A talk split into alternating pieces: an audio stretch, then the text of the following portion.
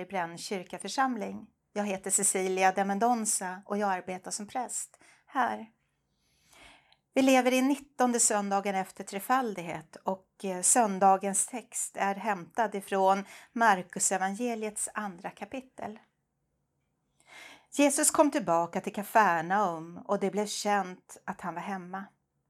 Det samlades så mycket folk att inte ens platsen utanför dörren räckte till längre och han förkunnade ordet för dem. Då kom det dit en lam som bars av fyra män. Eftersom de inte kunde komma fram till Jesus i trängseln bröt de upp taket ovanför honom och firade ner bädden med den lame genom öppningen. När Jesus såg deras tro sade han till den lame, mitt barn, dina synder är förlåtna. Nu satt där några skriftlärda och de tänkte för sig själva, hur kan han tala så? Han hädar ju. Vem kan förlåta synder utom Gud? Jesus förstod i sin ande vad de tänkte och sade till dem, hur kan ni tänka så i era hjärtan? Vilket är lättast att säga till den lame, dina synder är förlåtna eller säga, stig upp, ta din bädd och gå. Men för att ni ska veta att Människosonen har makt att förlåta synder här på jorden, säger jag dig. Och nu talade han till den lame. Stig upp, ta din bädd och gå. Och mannen steg upp, tog genast sin bädd och gick ut i allas åsyn så att de häpnade och prisade Gud och sade aldrig har vi sett något sådant. Så lyder det heliga evangeliet. Lovad vare du, Kristus.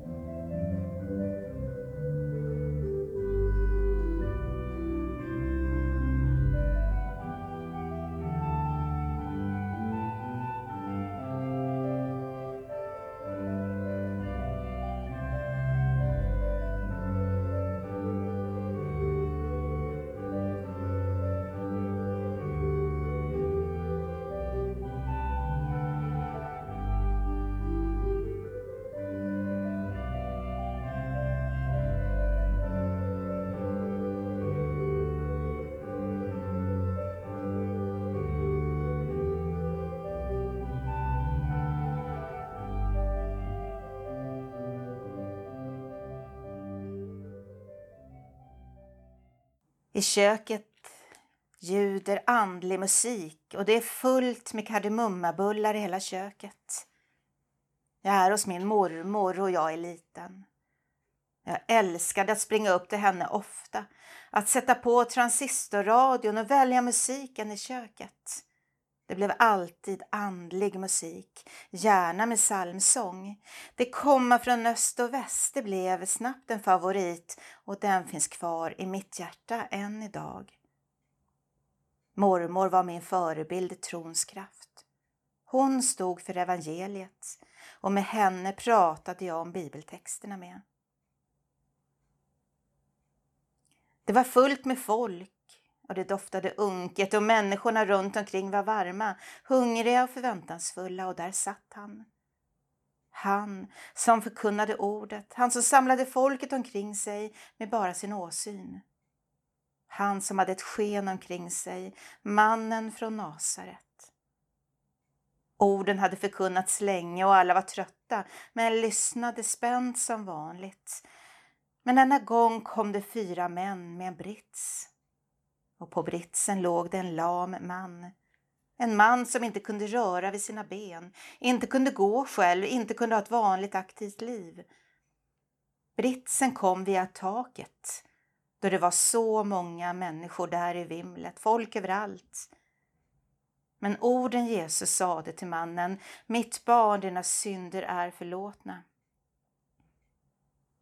Vi vet ingenting om mannen.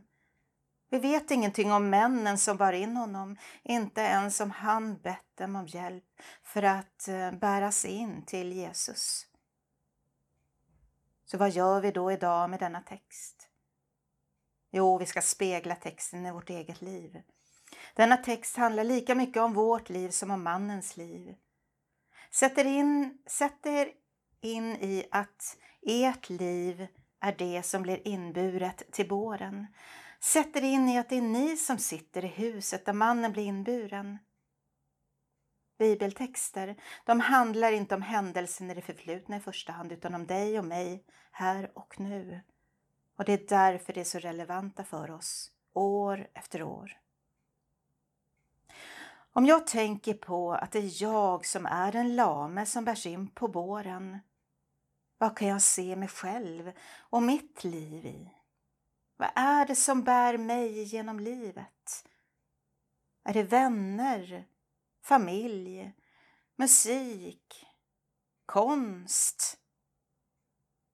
Vilka är de fyra männen? Är det krafter som bär mig genom livet? Och vilka krafter gör min vardag meningsfull? Hur länge har jag blivit buren och för mig från mörker till ljus, från utsatthet till hoppfullhet? Ja, frågor att betänka och grunna på. Och så byter vi perspektiv. Nu är det jag som bär. Vem bär jag på och varför bär jag? Hur länge har jag burit? Och till vem bärs jag till? Är det någon som har bett mig att bära och bär jag på något som känns meningsfullt? Vill jag bära? Förhindrar bärandet mig att leva det liv som jag vill leva eller för det mig till viktigare insikter om mig själv? Hur hittar jag till ögonblicket då jag inte längre behöver bära och vad händer då med mitt liv? Var är Gud i detta skeende? Var är Gud och jag blir buren? Är det Gud som bär?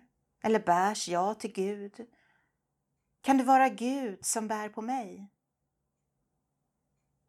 Vi kan inte här och nu svara på alla dessa frågor, men vi kan stilla oss, vi kan lyssna i bänken och vi kan fråga oss Jesus, hur hittar jag fram till dig?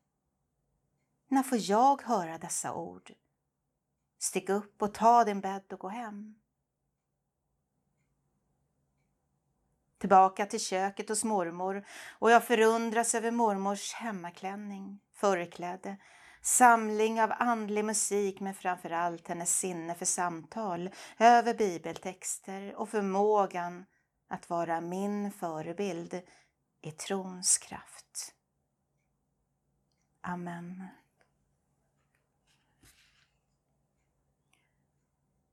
Låt oss be. Himmelens och jordens Gud, som vet hur bräckliga vi är, hjälp oss att hålla fast vid dig när vår tillit sviktar. Ge oss en tro som föder livsmod och hopp. Genom Jesus Kristus, vår Herre. Amen. Och så ber vi, ber vi tillsammans den bön som vår Herre Jesus Kristus själv har lärt oss. Vår Fader, du som är i himlen. Låt ditt namn bli helgat. Låt ditt rike komma. Låt din vilja ske på jorden så som i himlen. Ge oss idag det bröd vi behöver och förlåt oss våra skulder, liksom vi har förlåtit dem som står i skuld till oss. Och utsätt oss inte för prövning, utan rädda oss från det onda. Ditt är riket, din är makten och äran i evighet. Amen. Ta så emot Herrens välsignelse. Herren välsigna dig och bevara dig. Herren låter sitt ansikte lysa över dig och vara dig nådig. Herren vände sitt ansikte till dig och give dig av sin frid. I Faderns och Sonens och i den helige Andens namn. Amen. Du lyssnar på Radio Sydväst 88,9. Det här har varit en sändning från Brännkyrka församling. Bibeltexter ur Bibel 2000. Copyright Svenska Bibelsällskapet. Ansvarig utgivare Gustaf Frosteblad. Tänk på att Brännkyrka församling också har en podcast som finns där de flesta podcasts finns.